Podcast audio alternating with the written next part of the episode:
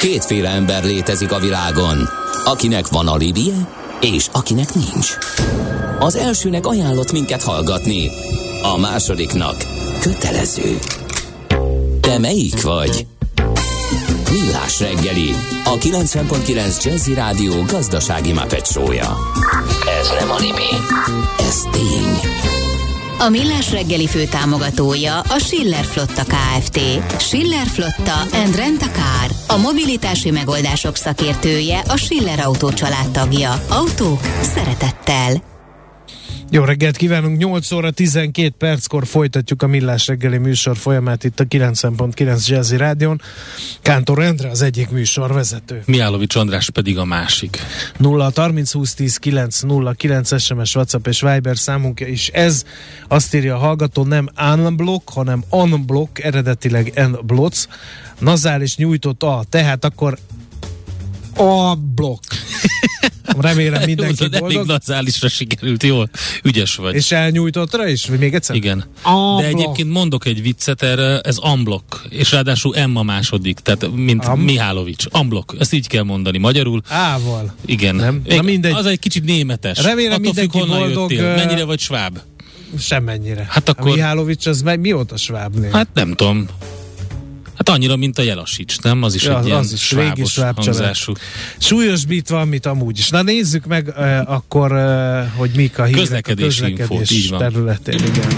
Budapest legfrissebb közlekedési hírei, itt a 90.9 jazz azt írja az, a hallgató, hogy az M7-es Igen. érdi felhajtó Budapest felé baleset az M1 M7 Budaörsi kihajtó előtt. Jelentős a torlódás, ez Igen. a 17-es kilométernél van az M7-es autópályán Budapest irányába Érdnél, és a sérült járművek már a leállósávon vannak, a torlódás megmaradt, hát előtte kell megpróbálni kerülni, hogyha valaki akar. Azt írja a hallgató, kilométer. hogy Budapest nyugati oldala gyakorlatilag teljességgel járhatatlan. Az M4-esen miatt, igen. az Üllői térség közben a főváros irányába 29-es kilométernél a belső sávot lezártak, ott több jármű ütközött össze, és az alacskai pihenőhelynél az m az m 0 keleti szektorán is volt ütközés. De a városban két balesetünk is van, az egyik a Rákóczi úton befelé a külső sávban a Barostér után, a másik a Pesti alsórakparton északi irányban a Dráva utca előtt történt. Sokkolóak a változások?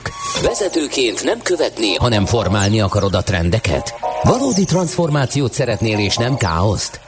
Mondani könnyű, megcsinálni nehéz. Nézz a mélyére a feladatoknak, és készülj fel a Millás reggeli Epic Stories rovatával.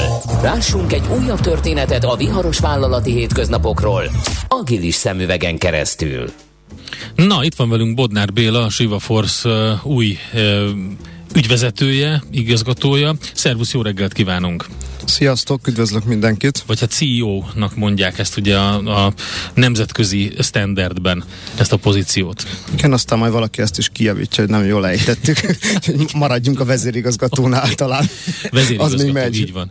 Na, a digitális ügyfélkiszolgálás öt legfontosabb építőkockája, erről fogunk beszélni. Azért is fontos, mert ugye bár javul, de azért még elmaradott a magyar KKV szektor digitalizációja, és leginkább ezt az ügyfélkiszolgálás részét szokták, vagy legalábbis a, a személyes tapasztalatom az, szokták egy kicsit így elhanyagolni. Mert az, hogy digitalizálódik maga az iroda, meg a működés, az már ugye egy versenyhelyzet teremtette szituációt, tehát a, abban már lépni kellett. Na az ügyfélkiszolgálás az, az talán még nem annyira erőteljes. Hogy látjátok? Én azt gondolom, hogy ennél még egy picivel fokozottabb a helyzet, ugyanis pont az ügyfélkiszolgálás az, aminek hajtania kellene az egész digitalizációt. Uh-huh. Erre nagyon jó példa volt a Covid, olyan szempontból, hogy nagyon sokan átkerültek a digitális térbe, és őket ki kellett szolgálni egyik napról a másikra. Ugye nagyon sokféle ember megjelent, idősek, fiatalok, akik eddig mondjuk az idősekbe jártak a, a bankfiókokba ügyet intézni, egyik napról a másikra nem tudtak oda bemenni, ki kellett próbálniuk, hogyan tudják ezt elintézni az online térben, meg nyilván a fiatalok, ők meg ugye a másik oldalról jönnek, nagyon sok appot használnak, igazából nagyon kifinomultak, nagyon gyorsan változnak az igényeik, és ez a sok-sok új felhasználó egyik napról a másikra rászabadult igazából ezekre a cégekre. Van egy Epic Stories podcast, és ennek a utóbbi két epizódjában arról volt szó többek között, hogy, hogy hogyan állíthatóak irányba a, ezek a digitális transformációs törekvések, és ebbe az egészbe az agilitás hogy jön képbe. Én azt gondolom, hogy a, a, ugye a digitális transformációnak és a digitális ügyfelkiszolgálásnak van egy négy-öt alapvető építő eleme. Ebből én azt gondolom, hogy az egyik és talán legfontosabb az maga az agilitás, az agilis transformáció. Ezzel kapcsolatban ami fontos és kiemelendő szerintem, hogy ez soha nem egy projekt. Tehát itt nem, nem lehet arról szó, hogy a vezető azt mondja, hogy na, fiú, Mostantól agilisek leszünk. Hát, vagy, vagy mennyi idő kell erre? Hát, ja, főnök, 9-12 hónap, jó, van 6 hónapotok, és akkor gyertek vissza, mutassátok meg, hogy hova jutottatok. Itt igazából az egész szervezetet át kell állítani. Ez nem fog És nem elég azt mondja, hogy pörögjünk fel, pörögjünk fel valószínűleg akkor sem elég, ha ezt Igen. minden nap elmondja, tehát neki is be kell vonódnia, tehát teljes, te, uh-huh. teljesen igazából CEO szintről kell jönnie, és az egész szervezetnek a mindsetjét meg kell változtatni. Ez nem működik anélkül, hogy az összes vezető ebben ne lenne bevonva, a pénzügyi vezetőtől kezdve a HR vezető, marketing, mindenki. No, akkor vegyük a problémákat, hogy mik szokták ezt akadályozni. Uh, igazából érdekes volt egy, volt egy uh, felmérés, a, a State uh, Agile Marketing 2022-es felmérése, ami meglepő eredményt hozott, hiszen nem azt mondták az emberek, hogy nincs rá idejük, nincs felhatalmazásuk, hanem két dolgot emeltek ki. Az egyik, hogy hiányzik hozzá a szervezeten belül a tudás, a másik pedig a folyamatok és az eszközök. Uh-huh. Ami tehát akkor lenne, lenne, tehát úgy akkor felmerült ez, ez mint, mint egy, követ, egy elérendő cél, de nem tudják, hogy hogyan fogjanak hozzá. Így van, így van. És ugye, ahogyan mondtam, ugye a teljes szervezetnek a mindsetjét át kell állítani, új folyamatok, új eszközök jelennek meg, azokat a silókat, amik korábban működtek, hogy külön működik az uh-huh. üzlet, az IT, a marketing, a sales, ezeket le kell rombolni. Uh, ahhoz, de ezt ez... nem fogják szeretni. Sőt, lehet, hogy akarni. Hát mindenki, de, de, de szeretnék. Én, én... A kiskirályok korának vége van. Hát ezt a kiskirályok is így gondolják? Én azt gondolom, hogy, a, hogy az emberek, a munkavállalók ezt többnyire szeretik, sőt, nagyon nagy százalékban szeretik és akarják. A vezetők között ugye már megoszlik a, a, a vélemény, hogy mennyire szeretik ezt. A Gartnernak van egy felmérése, kimutatása, predikciója, ami azt mondja, hogy 2024-re a hagyományos vezetőknek a 30%-a az, az eltűnik a rendszerből és a szervezetből. Itt ugye nem arra kell gondolni, hogy ki fognak rúgni 30%-nyi vezetőt. Még az sem nyugdíjba mennek neki öregszenek. Egészen konkrétan az volt a, a, a megállapítás, hogy 2024-re a vállalati csapatok 30%-a főnök nélkül működik majd. Így van, azért, azért annyiban árnyalnám ezt a képet, hogy itt nem arról van szó, hogy ezek az emberek eltűnnek, meg ezek az emberek teljesen önállóan fognak dolgozni, hanem az a hagyományos vezetői típus, ami most jellemző, aki ugye elsősorban teljesítményeket próbál menedzselni. A, az elváró. A, így van. Aki a, a hivatali patkányokban megjelenik mindig a bögrécskéjével, és mindig megkérdezi, hogy az STP riportokat, az ő, ugye vagy különben szombaton is meg, hogy kérjelek, hogy begyere dolgozni. Igen, tehát e, e, ezek a vezetők, akik csak így tudnak működni, ők ki fognak kerülni a rendszerből, és olyan vezetők lépnek a helyükbe, akik, akik egy teljesen másfajta szemlélettel állnak a, az emberekhez. Igazából a legfőbb feladatuk az lesz, hogy a megfelelő skilleket megszerezzék ezek az emberek, hogy a karrierjüket támogassa, az, hogy a mindennapi döntéseikben ott legyen és támaszkodhassanak rá, tehát azt gondolom, hogy ez egy teljesen más szemlélet. Tehát nem stratéga lesz, hanem inkább humán Abszolút. erőforrás menedzser? Igen, igen, sokkal nagyobb szerepet fog kapni ez. És igazán... Hiszen annyira bonyolult a tudásanyag bármilyen cégnél, hogy ezt már egy vezető nem fogja tudni átlátni. Hát egyrészt bonyolult a tudásanyag, másrészt pedig nagyon-nagyon gyorsan változik, hogy mire van szükség. Fél évente jönnek be új uh-huh. technológiák, és az emberek pedig szeretik ezeket kipróbálni. Nyilván azért jelennek meg, azért van létjogosultság, mert valamiben jobbak, mint az előzőek. Elmentünk nagyon ebbe a silók lerombolására, mert ebbe belekapaszkodtunk. Van-e még probléma, amivel szembe kell nézni egy ilyen átállás során? Nyilván a folyamatok is nagyon fontosak, hogy hogyan, hogyan milyen folyamatok mentén tudunk működni. Ehhez azt gondolom, hogy a legjobb megoldás az, hogyha, hogyha ilyen evangelisták vannak a mhm. szervezetben, ezek az úgynevezett agile coachok, akik igazából a folyamatokat tudják karbantartani, segítenek abban, hogy hogyan kell működni, hogy ne térjünk le erről az útról.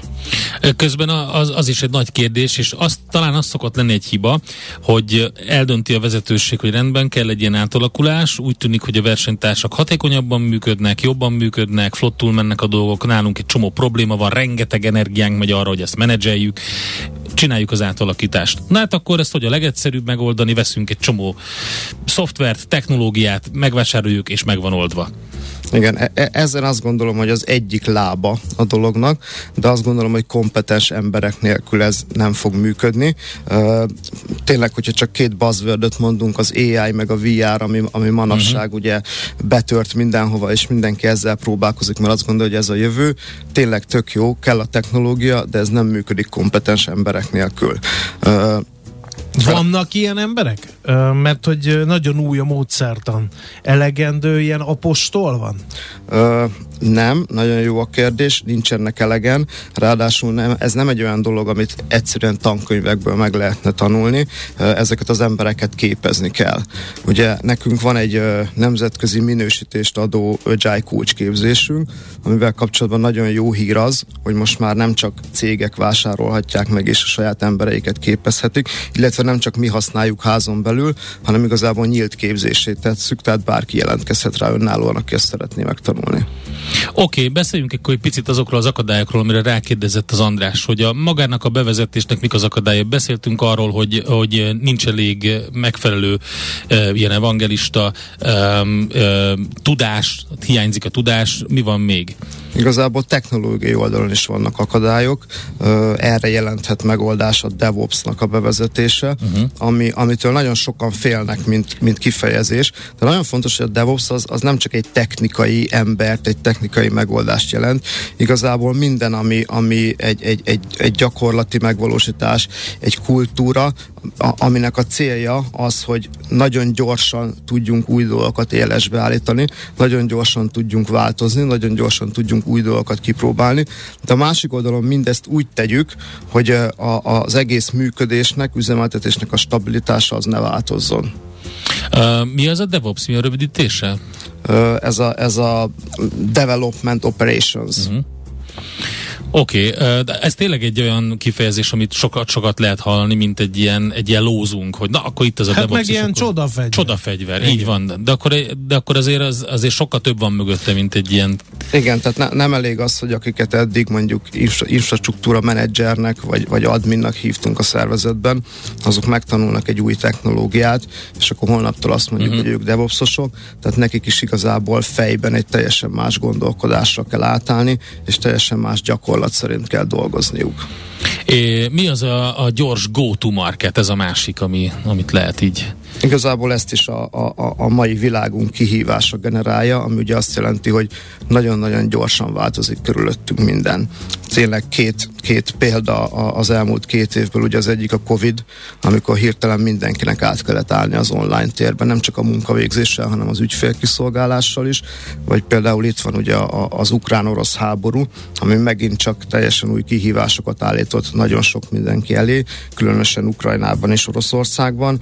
Ugye a gyors go-to market azt jelenti, hogy nagyon-nagyon gyorsan képesnek kell lenni, nagyon rövid alatt reagálni, és új dolgokat élesbe állítani, új, új rendszereket akár. Mennyire változik meg a vezető, informatikai vezetők szerepe? Mert ugye a digitalizációs folyamatban, és ma már ugye sajnos, sajnos nem, tehát nem sajnos, hanem ma már azt látjuk, hogy minden át digitalizálódik, minden területe a működésnek. Eddig ugye ez is egy siló volt, az informatikusok osztálya, de mintha kiléptek volna ebből teljesen, és ugye minden területen ott vannak, a HR-től kezdve a pénzügyig, és hát lényegében együtt kell, hogy dolgozzanak sokkal szorosabban ezekkel az osztályokkal. Azt szoktuk mondani, hogy igazából most már minden nagy vállalat, az IT vállalat is lett. Uh-huh. Mindenhol nagyon fontos lett az IT-nak a szerepe. Gondoljunk bele gyógyszeripari cégeknél, vagy mondjuk ilyen kereskedő FMCG cégeknél, több tíz, vagy akár több száz informatikus van, vagy látjuk a hirdetéseket, hogy mennyi informatikus keresnek. Tehát én azt gondolom, hogy az IT egy nagyon fontos tényező lett mindenhol. Uh, igazából az ügyfeleket digitálisan érik el, a termékeket digitálisan fejlesztik, tehát enélkül manapság már nem lehet nagy vállalatot építeni. A, az informatikai vezetőknek a szerepe egyik oldalról azt gondolhatnánk, hogy könnyebb lett. Ugye régen mit kellett csinálniuk, nekik kellett kitalálni dolgokat, nekik kellett összevásárolni, felépíteni az egészet, üzemeltetni. Ugye ma azt gondoljuk, hogy a, hogy a, hogy a, a, a cloud technológiával és ugye a cloud natív megoldásokkal sokkal könnyebb az ő dolguk, hiszen igazából letöltik ezeket a dolgokat, feliratkoznak rá, összerakják, nem nekik kell üzemeltetni, nagyon egyszerűen skálázható. Ami a nehézséget adja ebben, az, hogy ezeknek a, a, a megoldásoknak a számossága az borzasztóan nagy. És, és ebben kell eligazodni, eligazodni azt gondolom egy IT vezetőnek manapság, hogy ezekből a kis építőelemekből a legjobbat rakja össze. Igen, ott van a piacon rengeteg minden, mennyire kompatibilis, mennyire nem, ki lehet-e használni, ha már fizetünk érte, melyik csomagot fizessük ki, van egy csomó ingyenes megoldás. Arra jó-e, amire. Igen. Igen. Úgyhogy ez tényleg egy, egy, egy, egy borzasztó Ráadásul arra is oda kell figyelni, hogy nagyon jó célmegoldások vannak, de nem biztos, hogy ezek kompatibilisek egymással. Ja, uh-huh. Tehát valami olyan ökoszisztémát kell összerakni, ami, ami jól működik együtt. Oké, okay, akkor ha már a pénzről volt szó, mert ugye mondtam, hogy van egy csomó ingyenes megoldás, de természetesen ezek ilyen freemium modellek a legtöbb, tehát előbb-utóbb, hogyha az ember komoly dolgokat akar csinálni, akkor valamiféle fizetés kell, de honnan, honnan van a pénz? Hát én azt gondolom, hogy nagy vállalatok esetében ezek a freemium modellek nem is működnek. Uh-huh. Tehát itt már olyan, olyan biztonsági feature-ökről, olyan felhasználókról, felhasználó számról beszélünk, ahol ezek a modellek nem állják meg a helyüket. Hát ennek egy, egy módja van, egyrészt többet kell költeni IT-ra, másrészt vannak olyan dolgok, ami, amik kisebb hangsúlyt kapnak manapság, és nyilván át kell csoportosítani ezeket a büdzséket, tehát akár amire azt gondoljuk, hogy nagyon messze áll az IT-től mondjuk a marketing, a marketing költéseknek is egy bizonyos felmérés szerint majdnem a harmada az, az technológiai költés. Ez érdekes. Ennek, ennek pedig egy, egy másik harmada, vagy ennek az egyharmadnak a, a, az egyharmada, az pedig olyan megoldásokra megy, amivel igazából az ügyfeleket érik el a, a, a szervezetek. Digitális frontend. Digitális frontend. Tehát ez, ez, ez a, a marketing büdzsék átalakítás, vagy átalakulása ilyen formán az önmagában beszéd, beszédes, úgyhogy akkor nyilván akkor például innen jön a pénz a marketing büdzsé 30%-ából. Oké, okay, hát de, de itt nem csak egy weboldalról beszélünk, tehát a digitális frontend az nem egy weboldal, Abszolút. egy landing page, ahol bejön az ügyfél, és azt mondja, jaj, de szép, kattogtatók, van egy jó kis digitális asszisztens, és ha nem, UX, azért sokkal több. UX design, stb. Hát igazából amikor azt mondtuk először, hogy a cégek kiléptek a digitális térről, nem tudom, 20-25 éve volt, akkor tényleg erről beszéltünk, hogy valakinek volt egy honlapja, egy statikus websájtja. Amin volt egy telefonszám, meg egy leírás a cégről, Így ott van. volt elnök vezérigazgató fényképe, kattintható életrajzzal, és ennyi. Meg tudtad nézni, hogy milyen tevékenység van, milyen termékei, és az adott telefonszámon fel tudtad hívni, meg tudtad kérdezni egyébként, ha még valamire szükséged volt, meg ott volt a fizikai boltoknak, sztóroknak a, a címe, hogy hova menj, hogyha ezeket a dolgokat szeretnéd megvásárolni.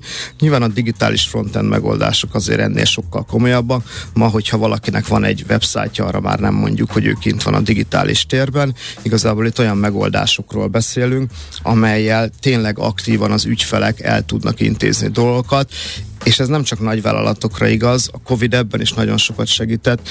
Nézzétek meg, hogy hány picike vállalkozásnak lett például webshopja.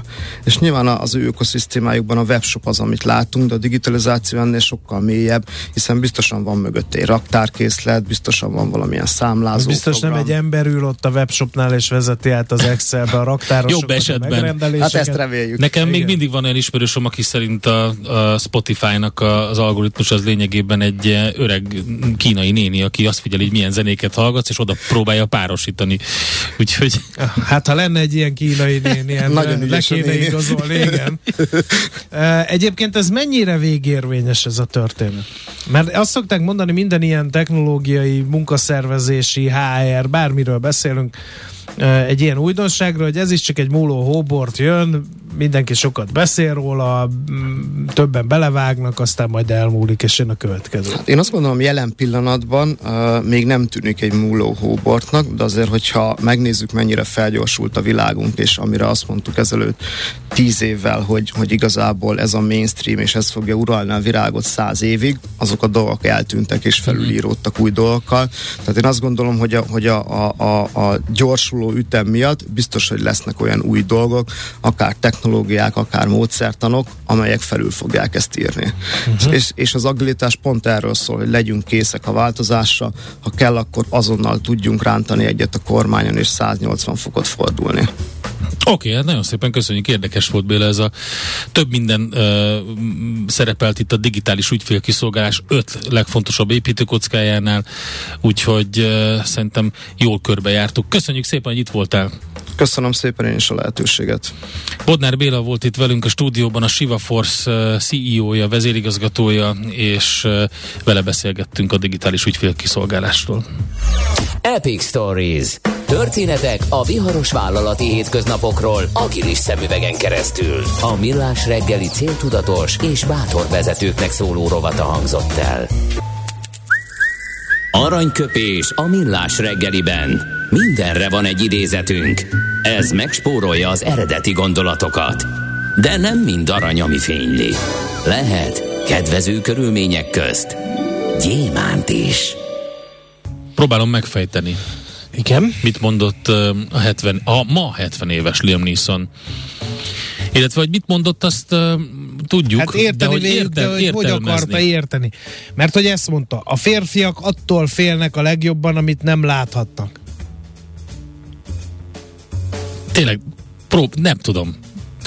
Akinek van lövése, hogy ez mit jelent, az a 0630 20 10 909-re írja már meg nekünk egy olyan kedves. A férfiak attól félnek a legjobban, amit nem láthatnak, mondta Liam Neeson aki ma 70 éves. Lehet, hogy arra valami filmjéből van ez így kive, ki, kiragadva, és kontextus nélkül nem értjük, hogy mit mondott ő. Aranyköpés hangzott el a millás reggeliben. Ne feledd, tanulni ezüst, megjegyezni arany. Endre, kaptál egy hallgatói üzenetet, Igen. légy szíves műkritikusként és elemzőként álljál elő. Kántor kollega Inger küszöbét szeretném emelni eme nemes magyar zenével. Nem személyezkedés, nem neki szól, csak mint zenei érdekességet küldöm. Nem az első és nem az utolsó hallgató, tehát elérte az Inger küszöbünket az, hogy a tankcsapdának új száma van. De hát már egy beszéltünk BSV a múlt héten. nevű formációval. Igen, már beszéltünk kap... erről a múlt héten, és Hát én nagyon jól megfogalmazta a Csernaszabó András a véleményemet, illetve ő a saját véleményét, amivel én te- teljesen egyetértek, úgyhogy ha valaki kíváncsi rá, akkor nézze meg a Facebook oldalán Jó. ezzel kapcsolatban. Okay. Ennyit Én megnéz, megnéztem a Top Gun második részét a Mavericket. mindig top. Nagyon hatása alatt vagyok. Na, Egy tessék. olyan film, ami lekötött, visszahozta a fiatalságomat, nem kellett így nagyon agyalni rajta, egyszerűen És be akarsz Tom Cruise, az amerikai hadseregbe? Megint? Természetesen újra vadászpilot, csak ahhoz teljesen új uh, gépeket kell gyártani, mert uh-huh. amiben Tom Cruise belefér, abba én biztos nem. Az biztos, igen. Uh, úgyhogy uh, Tom Cruise rendkívül jól tartja magát fizikálisan, meg kellett állapítanom, uh, és mindazok a sztereotípiák, amiket a Tarantino és barátai erről a filmről gyártanak, ez, uh, ez rágalom bebizonyosodott most is, úgyhogy, úgyhogy Úgyhogy eh, egy nagyon jó szórakozás volt kérlek szépen a, a Top Gun film számomra. Szuper. Mindenkinek ajánlom, aki látta az első részt, és már a 80-as évek végén vadászpilót akart tenni az amerikai hadseregben. Innen oda, ezt ennyiért, onnan ide, azt annyiért, Aha. majd innen oda ezt, és vissza azt. Emennyiért, közben bemegyünk oda azokért, és átvisszük amoda. Amennyiért, mindezt logikusan, hatékonyan, érted? érted? Ha nem, segítünk. Észjáték, a millás reggeli logisztika rovata. És arról fogunk beszélgetni, hogy, hogy most itt a nyár végre, hogy ki gondoskodik a friss termékekről. Ugye a szezonális termékek szempontjából az egyik legmozgalmasabb időszak a nyár, friss, hűtött élelmiszerek, egyéb cikkek iránt felpörög a kereslet, a melegben azonban fokozódik az élelmiszerbiztonság jelentősége is. Hogyan maradnak a fogyasztási cikkek valóban fogyaszthatók és élvezhetők? Ezt kérdezzük Tóth Andrástól, a Ráben Trans-European Hungary Kft. Dunaharaszti régió vezetőjét Gergelytől jó reggelt kívánunk! Jó reggelt kívánok, és üdvözlöm a hallgatókat is!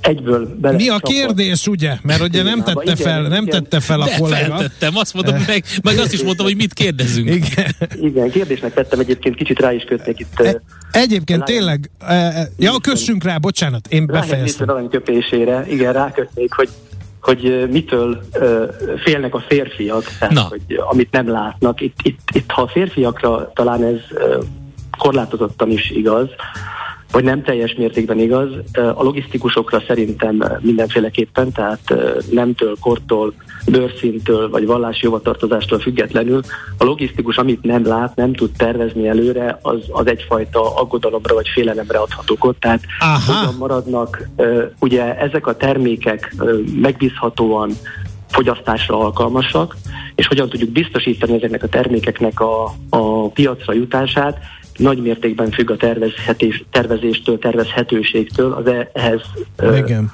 Rendelkezésre álló adatoktól. Ha ezek az adatok nem állnak rendelkezésre, na akkor szokott lenni az a, az a nem várt helyzet, hogy vagy a kapacitás, vagy a, a termék mennyiség, vagy a készletek nem állnak rendelkezésre ott, azon a fogyasztási ponton, ahova el kell jutni. Uh-huh. Ugye itt, itt, itt pont erről beszélünk nyár kapcsán, meleg Igen. van, mindenki adott pillanatban szeretné megkapni azt, amire, amire éppen ott vágyik, és ez, ez a kihívás ebben. Igen hogy, hogy, hogy odaérni abban a minőségben, hűtötten, vagy melegítetten, vagy bármilyen formában, ahogy az, az, az a fogyasztó az elvárásai szerint uh-huh. elképzeli, és annak meg tudjunk felelni. Hát akkor Liam Neeson az első és legismertebb logisztikus Hollywoodban ezek szerint. Na de, többször elhangzott, hogy így a nyári szezon, úgy a nyári szezon. Ez miért olyan jelentős pont a nyári szezon? Hát miért nem a karácsony, vagy a húsvét, vagy, vagy ezek? A, a gyorsan forgó fogyasztási termékek tekintetében a nyár ugye kiemelten kezelendő. Itt a romlandóságról beszélünk, illetve azoknak a termékeknek a, a rendelkezésre állásáról, amik, amik kifejezetten hűtötten fogyasztóhatók, fogyasztandók, de azon kívül egyébként rengeteg különböző szezont meg tudunk különböztetni, tehát nem csak a nyár van azért itt, nyilván a nyár egy, egy jelentős forgalmat generál, de nagyon jól említetted a, a, a téli időszakot, az is egy, egy kiemelt szezon, a, a karácsonyi időszak, mikor az emberek ugye a szeretteikre, az ünnepekre várva költenek, és, és nyilván megindul a, a fogyasztási kedv abban az időperiódusban, de ki tudja váltani a fogyasztási kedvet akár mondjuk egy, egy jelentősebb sportesemény is, például az olimpia. Aha, van, erre szoktak mondani, hogy a kereskedők készülnek, igen, igen. Így, hát itt van, akkor, például... akkor jön az új meccs a németek ellen, ugye igen, most teljesen igen. harci lázban, lázban ég a, a magyar reméljük az, olaszok, reméljük az orosz logisztikai szektor a futballpályán nem fogja lehűteni a magyar lelkesedés. Na de, hogy lehet erre egyáltalán készülni, ha ilyen kiemelkedő szezon a nyár, hiszen az se lehet tudni, hogy mikor kezdődik, mert lehet még június elején rossz idő, de lehet már május közepétől kánikula.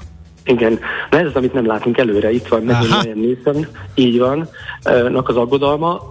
Tehát igen, nagyon-nagyon szofisztikált rendszereink vannak, amik rengeteg adatot dolgoznak föl. Ugye itt megint visszaköszön kicsit talán a korábbi témákból felismerhetően a, a nagy adatelemzés, ez a Big Data Analytics, amik, amikkel foglalkozunk, mindenféle algoritmust figyelünk annak érdekében, hogy előre lássuk, és tudjuk azt, hogy milyen fogyasztási alkalmak és milyen fogyasztási mennyiségek várhatóak adott időpillanatban. Ennek ellenére ezt pillanatról pillanatra felül tudja írni mind az időjárás, mind egy, egy nem várt esemény, mind, mind annyi féle külső faktor, amivel nagyon-nagyon-nagyon nehéz megbirkózni. Ugye ez jelenti a logisztikának a kihívását, de ugyanakkor a, a színességét is. Uh-huh. No, és hogyha ha készülnek, akkor hogyan lehet jól megtervezni? Hogyan lehet előrejelezni a keresletet? Hogy zajlik mindez a gyakorlatban? Tehát egy csomó Igen. kérdés felvetül erről. Igen, hát nyilván egyébként, ahogy hallgattam a híreket, ez már önmagában logisztika szemmel nézve két nagyon fontos információt is tartalmazott, az egyik ez a közelgő meccs, a másik pedig a jó idő.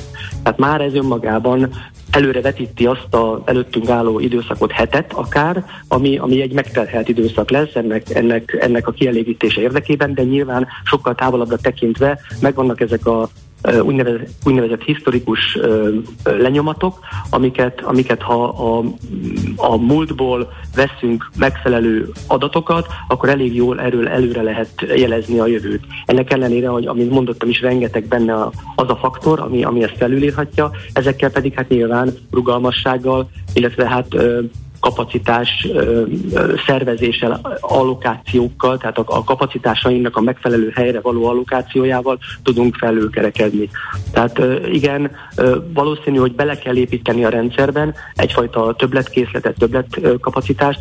Ezt egy olyan érzékeny pontig kell vinni, amikor az még nem okoz olyan költségtöbletet, ami, ami esetleg a, a vállalkozásnak a rentabilitását veszélyezteti, de meg kell találni azt, a, azt, a, azt az átbillenő vagy, vagy fordulópontot ebben a tervezésben, ami biztosítja a készleteket, biztosítja a rendelkezésre álló kapacitást, hogy azok a készletek a fogyasztási helyszínekre is jussanak, de nem túl készletez és nem túl, túl kapacitál. És ez változott az utóbbi időben, például az, hogy egy ilyen tervezésnél, és főleg az FMCG piacon, akár mondjuk hűtőházas termékek kapcsán változott az utóbbi időben a logisztikai folyamat nehezebb megtervezni esetleg, mert több termék ragad bent, vagy áll bent a, ezekben a hűtőházakban?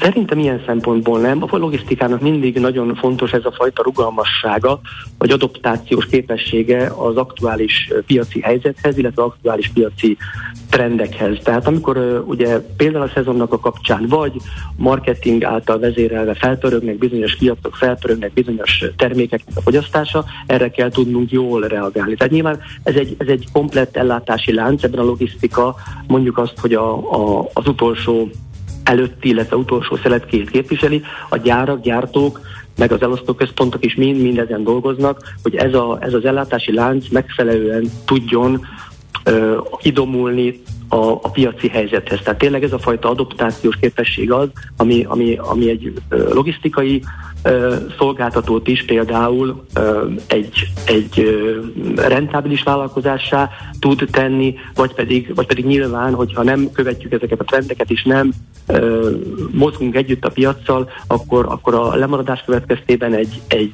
egy beragadó készlettel, egy drágán kivitelezett szolgáltatással, és nem egy, egy minőségi szolgáltatással, tehát nyilván minőségvesztés uh-huh. árán, ez, ez, ez komoly piaci rizikót eredményez egy, egy, egy cég életében, de ez szerintem általános érvényben mindenre igaz. Azt lehet akkor ezek szerint mondani, hogy a logisztikai ágazat, bár ugye voltak problémák, nyilvánvalóan még mindig vannak kívások, de hogy valahogy jobban tudott erre reagálni, mert folyamatosan olyan jellegű kihívásokkal dolgozik a logisztikai ágazat, amit esetleg így nem tudtunk elképzelni addig egy nagy közönség, amíg nem láttuk a, a, a, az, például a szállítási láncok problémáit, a chipjányt és ehhez hasonló dolgokat. Igen. Uh, igen, nem várt fordulatokról beszéltem az igen, előbb is, igen, hasonló, igen. hasonlóak történnek ugye most is a környezetünkben, és nyilván ezeknek a nem várt fordulatoknak az egyik sajátossága az, megint csak egy Lion Mason idézetben hasonlít, nem tudjuk, nem látjuk előre, tehát nagyon nehéz avval tervezni, nagyon nehéz azt, azt így kitalálni, prediktálni, jövőbe tekintve senkinek nincsen ugye varázsgömbje, amivel ezt megmondaná, hogy most éppen mi vár ránk a sarkon, tehát mi fog történni a következő hónapban, vagy két hónap múlva. Nyilván mondom, itt, itt megint csak vissza tudok utalni arra, ami az előbb is már így elhangzott, hogy, hogy, hogy a rugalmasságot és ezt az adaptációs képességet kell magunkban fejleszteni. Ez lehet különböző szenáriótechnikákkal, tehát kidolgozni különféle esetőségeket a jövőre, akkor nyilván lehet a, a különböző készletezési logikákkal, akkor nagyon végletekig szofisztikált vállalatirányítási rendszerekkel. Ennek ellenére benne van a, benne van a rizikó, és nyilván ott, aki a leggyorsabban, leg, legütőképesebben tud reagálni az adott piaci helyzetre, az lesz a győztes. Hát oké, okay, ezt szerintem sokan meg, megfontolják, ez utolsó mondatot, mert mindenki győztes akar lenni. Köszönjük Igen. szépen, izgalmas volt belelátni egy picit a kulisszák mögé, hogy működik. Uh, András, köszönjük szépen az információkat, további Igen. jó munkát. Szépen, viszont, szép napot.